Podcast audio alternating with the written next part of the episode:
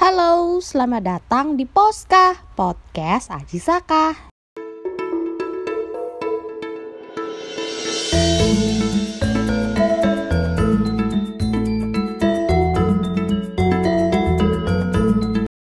Halo Tretan, selamat datang kembali di Brownies. Obrolan bisnis, membahas seputar tips and trik dalam berbisnis yang akan membantu bahkan mungkin menginspirasi teman-teman di rumah.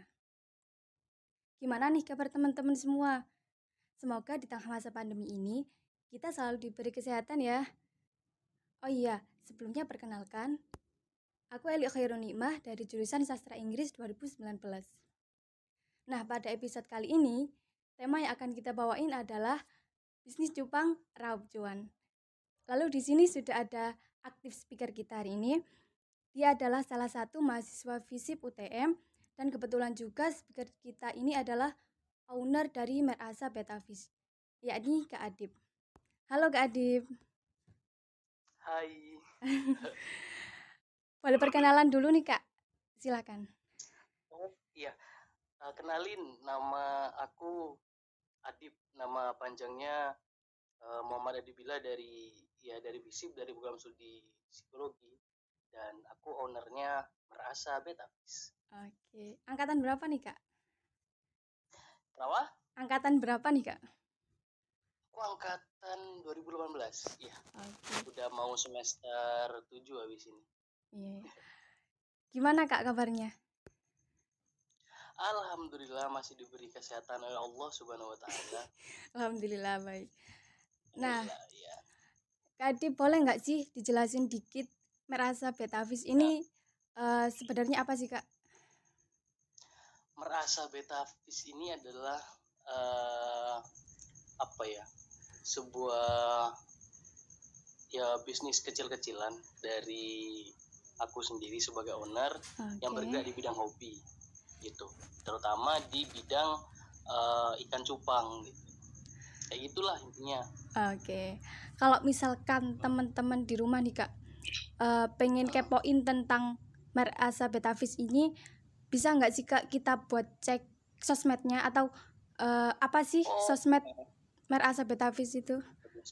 ya bisa dicek di Instagram ada @mer.asa underscore betafish di Facebook juga ada merasa betafish pakai titik ya Oke. As- mer titik asa betafish juga udah di situ juga Ya, Berarti situ, di Instagram sama di Facebook ya kak?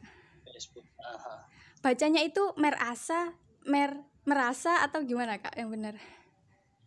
mer Ya.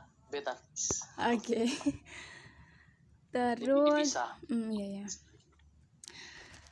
Terus eh, kalau boleh tahu nih kak, bisnis Hah? cupang ini digeluti dari kapan kak? Sudah berapa lama bisnis ini berjalan? eh awalnya sih kan eh, bermula dari hobi ya dari Hmm. hobi dulu gitu aku suka eh, cupang itu sudah dari dari kecil ya suka ngadu kan cupang gitu kan ya beli dua ribuan lima ribuan Kecil ya. Ah, dari SD kan kita suka ngadu-ngadu cupang gitu akhirnya ketika ketika kuliah juga kayak gitu sering beli cupang kita taruh di kamar gitu Ah, oke. jadi buat refreshing kayak gitu nah pasnya itu 2019 akhir ini cerita nggak apa-apa kan ya? Iya kak, silakan. jadi 2019 akhir itu eh aku ketemu sama eh, salah satu penghobi cupang juga. Dia tuh sering live di Instagram. Kebetulan itu kakak kelasku di SMA dia live di Oh. Instagram Instagram dan dia lelang cupang loh. Lelang. cupangnya ah dilelang kan? Wah, dilelang jadi cupangnya tuh unik gitu gak kayak kalau aku beli cupang 2000 ribuan gitu. Cupangnya tuh banyak warnanya banyak ada merah kuning. Ya ada yang oh, kayak pelangi gitu. Jadi kok unik gitu tau? Ada ya ternyata cupang kayak gini gitu. Akhirnya eh, aku ke tempatnya gitu aku lihat-lihat gitu. Dan wah bagus ya ternyata cupang ya gitu. Dan cu- cukup menjanjikan gitu. Jadi minimal Hmm. dia jual itu sekitaran di harga 50 ribuan ke atas gitu. Oh, lumayan mahal Hmm. juga ya kak ya, 50 ribuan ke atas. gitu. Nah, nah dari situlah karena memang aku suka suka hewan ya terutama di cupang atau ikan gitu tuh akhirnya aku coba beli satu pasang 2019 akhir itu Di lelang itu tadi kak. Mau nyoba ini nih apa ternak sendiri gitu. Oh, oke. mau nyoba ternak sendiri ternyata gagal. Gagal 2019 itu. Gagal ya aku coba lagi kan di ya masih 2019 itu. Coba lagi aku pulang kan. Ya aku pulang ke rumah ternyata di rumah juga ada ini yang yang jualan kayak gituan. Di Kayak desa gitu, sendiri kayak- kak. kayak di desa tangga lah. Hmm. ada gitu. Nah akhirnya beli di situ terus nyoba nyoba nyoba istilahnya breeding di dalam dunia cupang itu mengawinkan laki-laki dan perempuan yang ada di ya apa perempuan cupang itu. Kita breeding alhamdulillah alhamdulillahnya berhasil satu pasang ketika itu. Habis itu seminggu setelah itu nyoba lagi berhasil lagi akhirnya dua pasang jadi. Dua pasang Hmm. jadi karena emang suka gitu jadi ngelihat perkembangannya ikan tuh kok unik gitu. Dari awalnya yang nggak ada warnanya terus habis itu warnanya yang kayak gini berubah jadi kayak gini gitu berubah-ubah gitu kan warnanya kayak Oh, bermutasi gitu. fermentasi. Ah, akhirnya kita pelihara sampai sampai sampai sampai sampai siap tuh jual aku nggak pede awalnya gitu itu masih belum merintis merasa betafis itu masih gitu Tapi dari awal emang udah berniat ngejual gitu ya kak? awalnya sih nggak nggak ada niatan buat ngejual ya cuma sekedar pengen melihara yang kayak gitu gitu. Ah, tapi habis itu belajar untuk apa breedingnya itu dan ya buat apa gitu sebanyak itu kalau nggak dijualin kan? Iya. akhirnya dari dari itu apa ya nama apa ya yang pas ya gitu. Buat buat apa jualanku ini gitu. Karena aku punya branding diri diri ini merasa gitu. Ah, ya udah merasa saja gitu merasa betafis ya udah jualan. Awalnya jualannya di Facebook. Kita lelang-lelang. Ya alhamdulillah ber apa ya eh, lumayan lah gitu. Bisa nutupin perawatan dan juga nambah-nambah. Ini Gitu. jadi eh, motivasinya itu awalnya cuma hobi gitu ya kak? hobi dari hobi sih ya dari kesukaan gitu segala sesuatu menurut aku kan segala sesuatu yang kita suka gitu dan menghasilkan cuan gitu kan ya insya Allah bakalan bertahan lama Iya, bener kak. Terus kak, eh, cara kak Adip kembangin bisnis ikan cupang ini yang tadi dimutasiin itu gimana lagi kak? Kembangin bisnis itu? kembangin bisnisnya ngembangin bisnisnya Iya. eh pertama-tama jalin banyak relasi sih. Oh, itu yang ya paling penting penting, untuk mengembangkan bisnis. Eh, relasi bersama karena gini kita kan bergerak di bidang hobi nih. Iya. nggak semua orang itu minat cupang gitu. Dalam artian kalau kalau kita jualan baju atau makanan itu semua orang butuh gitu.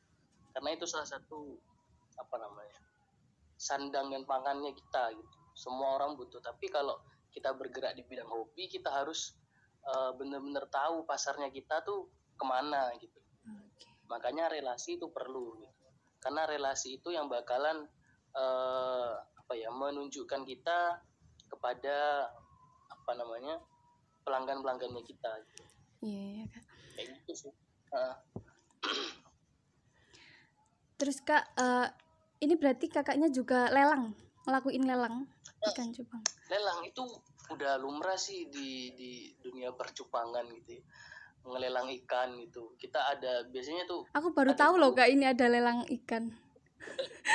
ah dilelang jadi kayak kita lelang di Facebook nih gitu atau di grup atau di wall pribadi Facebooknya kita. Jadi nanti kita posting kita tag banyak teman-teman. Terus habis itu kita buka lelangnya. Biasanya dilelang di harga awal di harga awal 30 atau di harga 0 rupiah tergantung kitanya gitu. Hmm. ada grup juga mungkin mau dilelang di grup itu grup besarnya cupang di Facebook tuh ada atau mau dilelang di IG pun bisa. Atau kita bisa collab collapse Eh, dengan akun besar gitu. Jadi kayak eh, di Instagram kan ada fitur live tuh. Iya. Nah kita ada kayak ya ada lah beberapa cendolan-cendolan kayak influencer percupangan tuh ada gitu. Jadi yang udah dikenal sama banyak orang yang sudah punya followers banyak nah itu kita eh, collab sama orang itu gitu. Berbayar sih tapi eh, kalau cupangnya kita bagus insya Allah bakal semadan sepadan dengan hasilnya gitu. Nanti kita Oke. lelang-lelang live gitu. Seru seru. Kalau lelangan paling mentok itu berapa? Yang paling gede yang pernah Kak Adib dapetin? Eh, kalau aku sih nggak ini ya, nggak terlalu banyak, nggak terlalu banyak ya. Karena kalau aku jual tuh eh, jarang satu pasang. Biasanya aku lelangnya itu eh, lakinya doang. Akhir-akhir ini lakinya tok. Oh. Yang laki tok itu biasanya tembus sampai 250, 120, 150 gitu. Itu mentoknya segitu sih. Sudah standar. Standarnya segitu kalau yang satu pasang biasanya mahal. Kalau kalau kualitasnya bagus ya gitu kualitas cupangnya bagus eh, itu bisa sampai jutaan bisa. Wih. terus kalau kualitas ikan. iya. Terus kalau yang mahal yang mana sih Kak? Yang jantan atau yang betina itu? Oh cara bedainnya? Iya. Enggak. Oh ya buat temen kalau beli cupang gitu ya. Ini cowok apa cewek sih? Gitu kan. Iya iya kayaknya semua cupang berantem deh gitu ya emang semua cupang berantem gitu kalau di ini ya eh, perbedaan fisik sih yang paling menonjol itu gitu. ngebedain cowok sama ceweknya di cupang itu eh, gampang-gampang sulit sih gitu kalau masih kecil susah kalau udah ada Hmm. agak gedean umur lima bulan atau enam ya umur empat bulan lima bulan itu sudah bisa dilihat kayak hmm, ekornya tuh lebih besar yang cowok daripada yang cewek. Badannya tuh Ah. lebih bulat yang cewek daripada yang cowok. Dan keli- ada kelihat kelihatan telurnya loh di dalam perut si cewek itu. Dari luar kelihatan nggak? Mm-mm. ah kelihatan. Kelihatan biasanya kelihatan. Ada juga muncul putih-putih gitu kayak telur gitu nonjol di bawah perutnya itu. Kalau yang mahal Kak? yang mahal itu ya kalau yang bedain cowok ceweknya sama aja semuanya ya. Tapi kok ada yang mahal kok ada yang murah kayak gitu kan ya. Iya. padahal cupang ya kayak gitu gitu aja. Eh, ada banyak faktor sih gitu yang membuat cupang itu mahal atau enggaknya. Yang eh, yang pertama itu lebih kepada visualnya gitu. Visual ini Nah, visualnya kalau visualnya menurut ya mungkin yang penghobi cupang lah yang ngerti gitu ya. Kalau visualnya nggak nggak terlalu bagus ya ya murah gitu. Dan cupang banyak jenisnya gitu. Ada yang dari hitam dagingnya hitam ada yang warna-warni ada yang dua warna hitam putih eh hitam putih ha, ada yang merah putih ada yang kuning. Tergantung ininya bukan tergantung apa itu bukan tergantung jenisnya tapi tergantung pada apa visualnya itu yang pertama. Yang kedua adalah lebih kepada eh, ininya. Yang paling penting itu genetiknya. Biasanya yang dicari itu genetik. Ada genetik ikan itu yang yang kayak gimana ya kasarannya ya? Kalau kita kan di dunia percupangan itu biasa biasa bukan biasa ya sudah sudah maju pesat gitu. Dan ya dan ngecrossingin cupang ngebreed gimana ya ngejelasin ngejelasin ini. Kayak cupang ini dikawinin sama cupang ini jadinya kayak apa sih gitu kan ya. Nah itu kita berarti menciptakan genetik baru kan dari cupang iya semuanya cupang A sama cupang B. Ini beda jenis cupangnya kita kawinin nih hasilnya C. Nah berarti kita menciptakan genetik baru dong. Iya. Kayak gitu. Nah genetik baru itu bisa jadi murah bisa jadi mahal. Mahal. Gene- genetik murah. Eh, apa eh, anakan murah ketika genetiknya itu masih belum kuat. Anakan pertama belum kuat. Jadi masih rejectnya kawinkan. gitu kalau genetiknya sudah ada ada rumusannya gitu jadi kayak F0 sama F0 jadi F1 F1 sama F1 jadi F2 terus sampai ini minimal harus F2 untuk genetik yang kuat gitu. Nah, genetik juga kan dipengaruhi sama indukannya. Kalau indukannya jelek sama-sama jelek, hasilnya anak jelek ditambah jelek kan ya. Untuk manusia, ya Bu, kalau manusia kalau cantik sama cantik, eh cantik sama cantik, ganteng sama cantik, Cantik. itu anaknya anaknya apa? Anaknya nanti apa? cantik atau ganteng Tuh, ya nggak tahu apa kata Tuhan. Iya iya iya iya iya ya, gitu.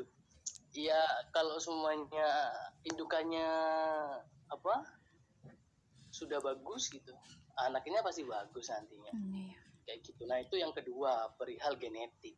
Nah itu yang paling yang paling penting. Yang ketiga adalah yang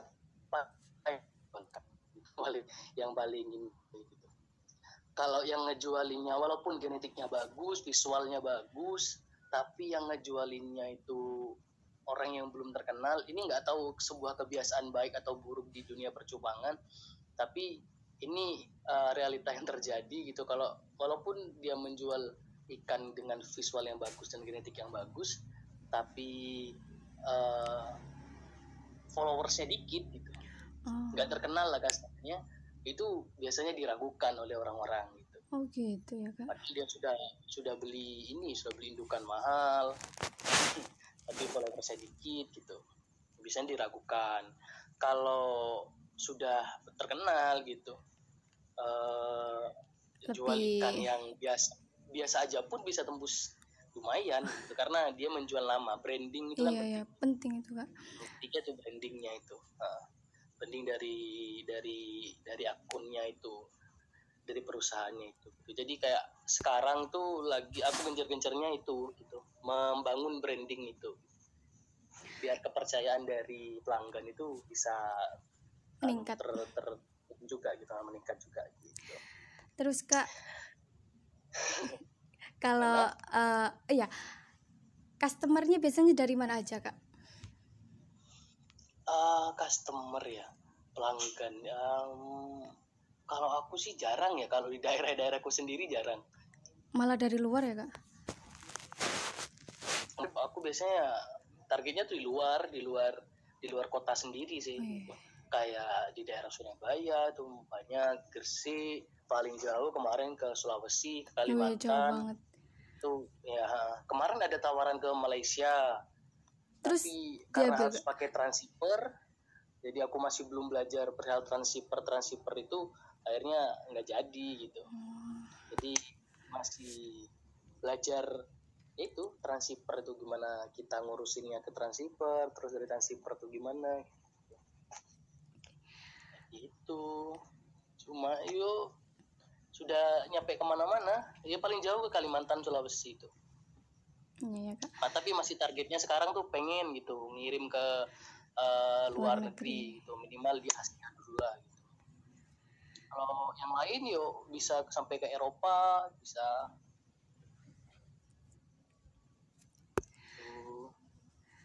Kak di samping kak Adip ini berbisnis sambil kuliah kan pastinya nggak mudah gitu ya kak.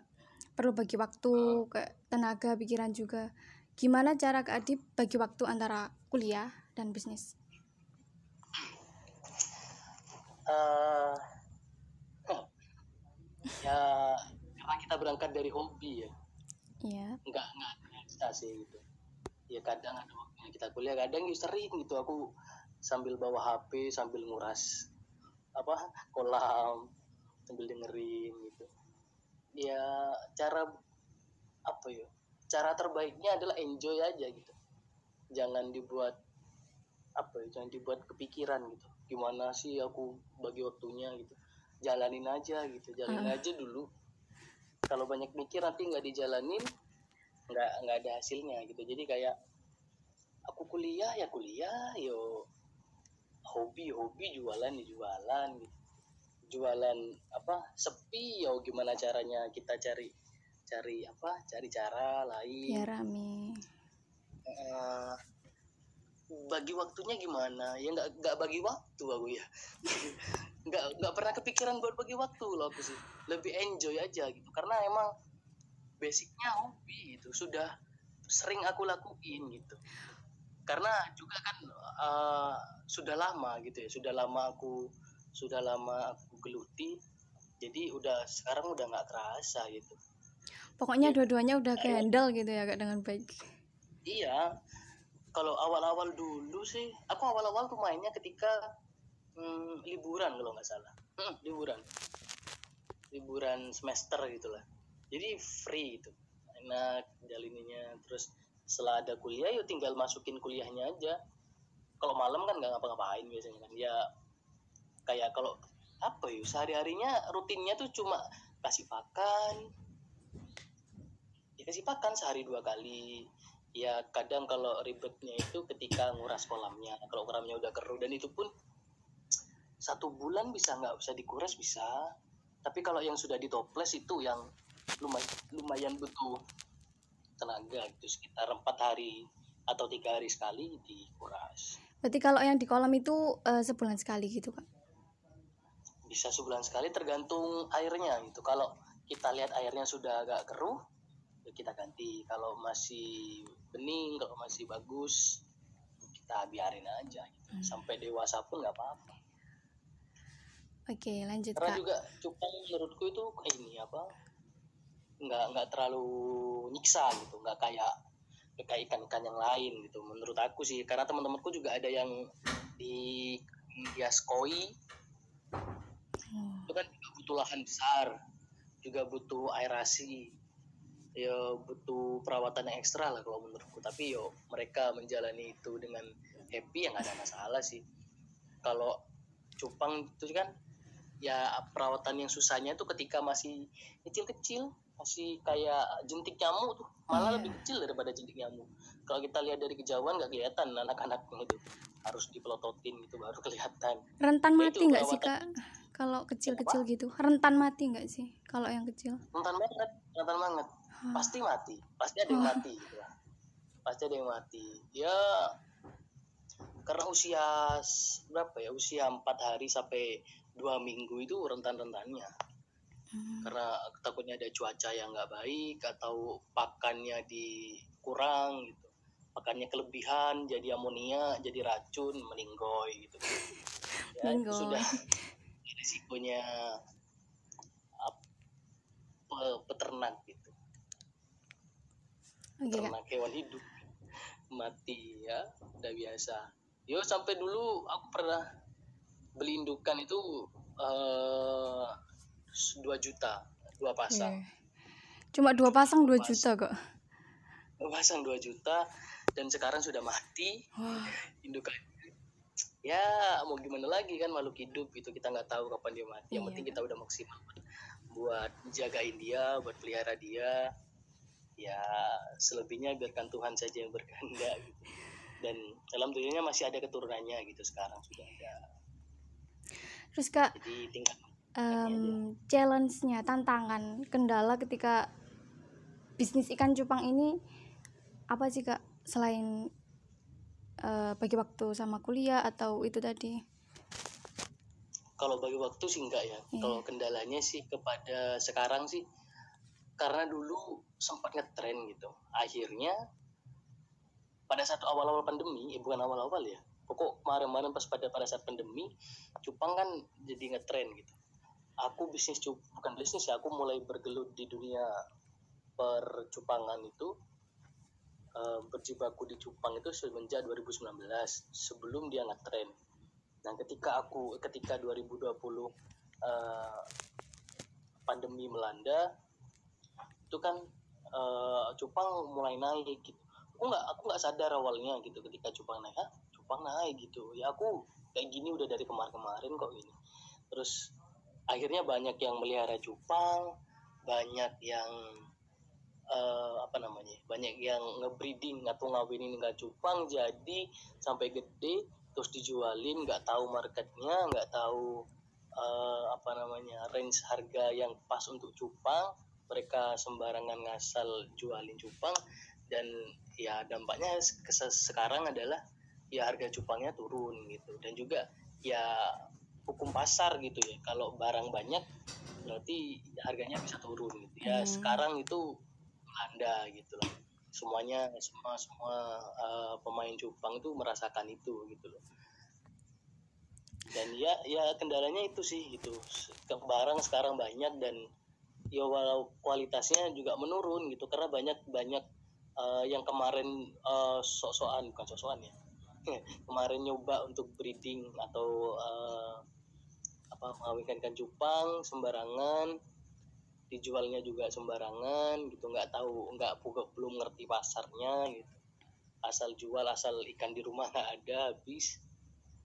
Ya akhirnya itu berdampak kepada penjual-penjual yang lain gitu. Itu dan semakin semakin viral juga kemarin kan semakin banyak penipuan gitu. Jadi uh, orang-orang pada waspada baru beli ikan cupang. Hmm. jadi bagaimana kita uh, meyakinkan buyer kita untuk percaya kepada kita? Itu hmm, kalau ke aku sih nggak terlalu ini ya karena karena emang aku nggak pernah nggak pernah yang namanya nipu atau apa gitu. Aku jujur jujuran hmm. aja.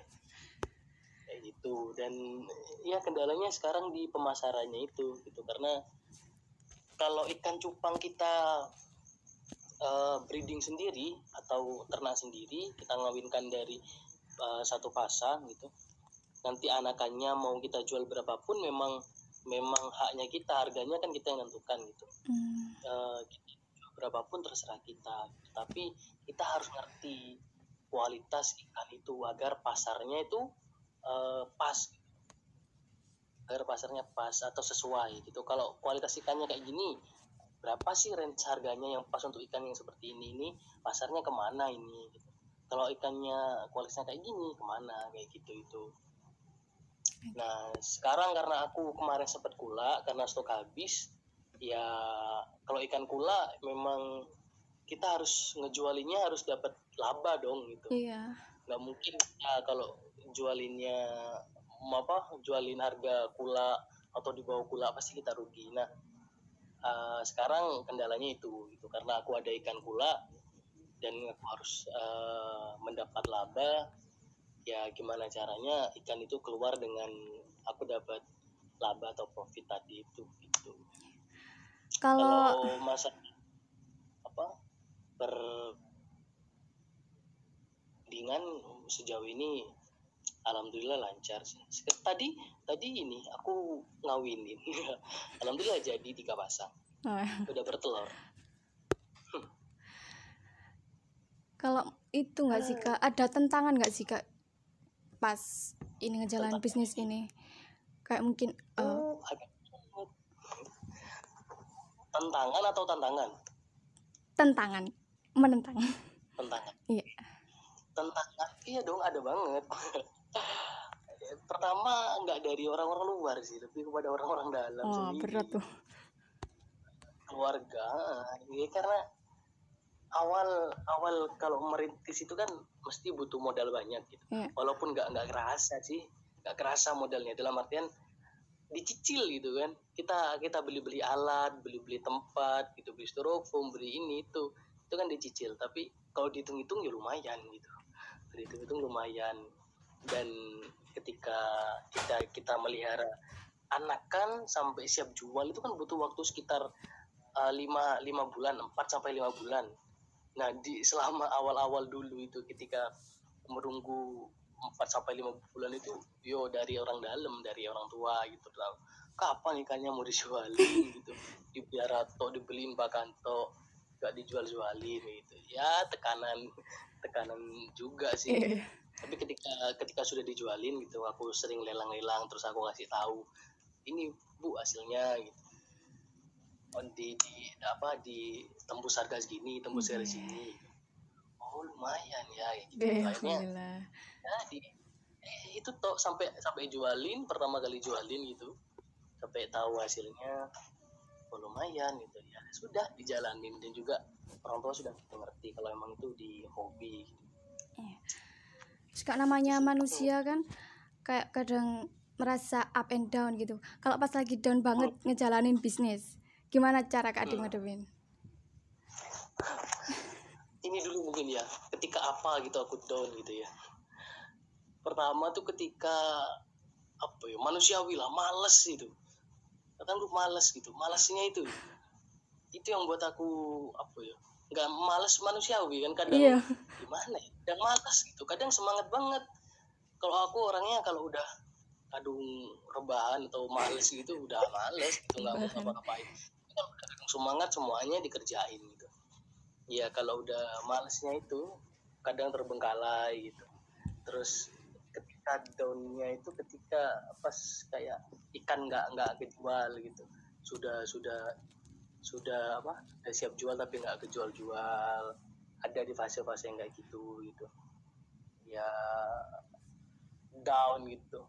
Ya semangatnya dari dari ngelihat cupangnya sendiri gitu. Ngeliat, oh, kok kasihan gitu ya. Kok kasihan? kasihan sendiri aku sama cupangku gitu. Eh, kerjaannya setiap hari kan makan terus habis itu berantem diberantemin itu kan di, dibuka skatnya gitu kan dipisahin jadi per apa ya, toples. Taruh Iya. toples toples toples. Nah itu dikasih skat dikasih apa penghalang gitu biar nggak biar nggak berantem kan tapi dikasih makan dibuka kan dibuat olahraga gitu diberantemin Tiap Kok ketemu berantem gitu ya, Kak? Heeh. dia kan teritorial tuh. Jadi gitu. Ya biar aku tidak kasihan ya sudah aku jual gitu. Aku cari apa jalan gimana caranya biar itu ikan itu keluar gitu biar dipelihara orang terus ya da- dari orang tua juga support supportnya lebih kepada menekan sih Support menekan tuh gimana, Kak? gitu. Support menekan tuh ikannya banyak gitu nggak kok nggak dijual-jualin jualin aja biar nggak ngerawat terus Ah, see. gitu tapi ya, tapi itu uh, bagiku semangat juga sih semangat buat ngejualin. Ya gitu. Ya susahnya itu kalau sudah cupangnya dewasa itu masuk ke toples 4 liter. Kalau aku di sini pakai 4 liter ada yang pakai 2 liter untuk tempat uh, sendiri satu-satunya itu. Cupang ditaruh di satu tempat ya di situ kan. Ya aku pakai 4 liter dan itu harus ganti 3 sampai 4 hari sekali gitu dan itu wah capeknya minta ampun gitu. Jadi harus bawa apa tenteng cupa apa toples 4 liter berisi air keluar masuk rumah wah encok encok kita. Akhirnya ya butuh bantuan juga gitu. Kadang manggil manggil bocil gitu minta tolong bocil buat apa nguras ikan itu. Begitu seru seru. Kalau memang kita seneng apa yang kita kerjain insya Allah Enjoy. bakalan ini gitu. Ada Eh, cobaan pasti. Tapi santuy aja Bismillah. Terus Kak, eh, pertanyaan terakhir nih. Semisal ada teman-teman, iya, semisal ada teman-teman di rumah yang juga pengen bisnis atau mikir em, kayaknya asik nih bisnis ikan cupang, tapi bingung atau takut harus mulai dari mana dan gimana. Apa sih Kak kiat-kiat atau pesan buat teman-teman di rumah yang mungkin lagi kuliah tapi juga pengen bisnis? bisnis cupang Iya apa pun, tapi especially ke cupang. cupang juga Iya. ya pertama jangan ini ya jangan berbisnis lalu mencintai bisnismu itu jadi cintailah dulu baru berbisnis dengan cinta. Jadi kamu harus suka dulu baru kamu pacarin. Jangan dipacarin dulu baru suka. Ya ya kayak gitulah. Jadi kamu harus suka sama bisnismu dulu baru kamu berbisnis atau jualan. Kalau mau bisnis di dunia cupang ya bisnislah cupang yang berkualitas aja gitu. Dan tahu pasarnya. Dan bisnis itu nggak selamanya di atas gitu. kadang kita harus di bawah untuk merasakan ini pahitnya bertahan hidup. Jadi jangan dibawa stres. Bisnis tuh harusnya membuat kita sehat. Sehat dalam menjalani kehidupan Asik. sehat dompet sehat pikiran sehat mental Set dompet itu penting kayaknya deh. nah, penting itu menopang kesehatan mental kita juga Terus kalau takut yang belum ngelakuin bisnis kak, takut mau bisnis gimana tuh? Iya. Jangan berpikir kalau hanya berpikir itu nggak dimulai itu hanya omong kosong. Uh, berpikir itu memang perlu. Gitu. Tapi coba aja gitu berpikir sambil bergerak. Gitu. Jangan sampai kita diam untuk berpikir gitu karena diam adalah sebuah pengkhianatan. Oh. Seperti itu. Jadi produktif, jangan rebahan mulu. Jadi action dulu ya kak yang penting. Uh, ya sambil berpikir. Kalau bisa sambil berpikir. Sambil mikir, sambil action. Iya dong. Oke, okay. Ya terima kasih banyak ya Kak Adip udah ngeluangin waktunya Sama. buat sharing-sharing bareng kita hari ini.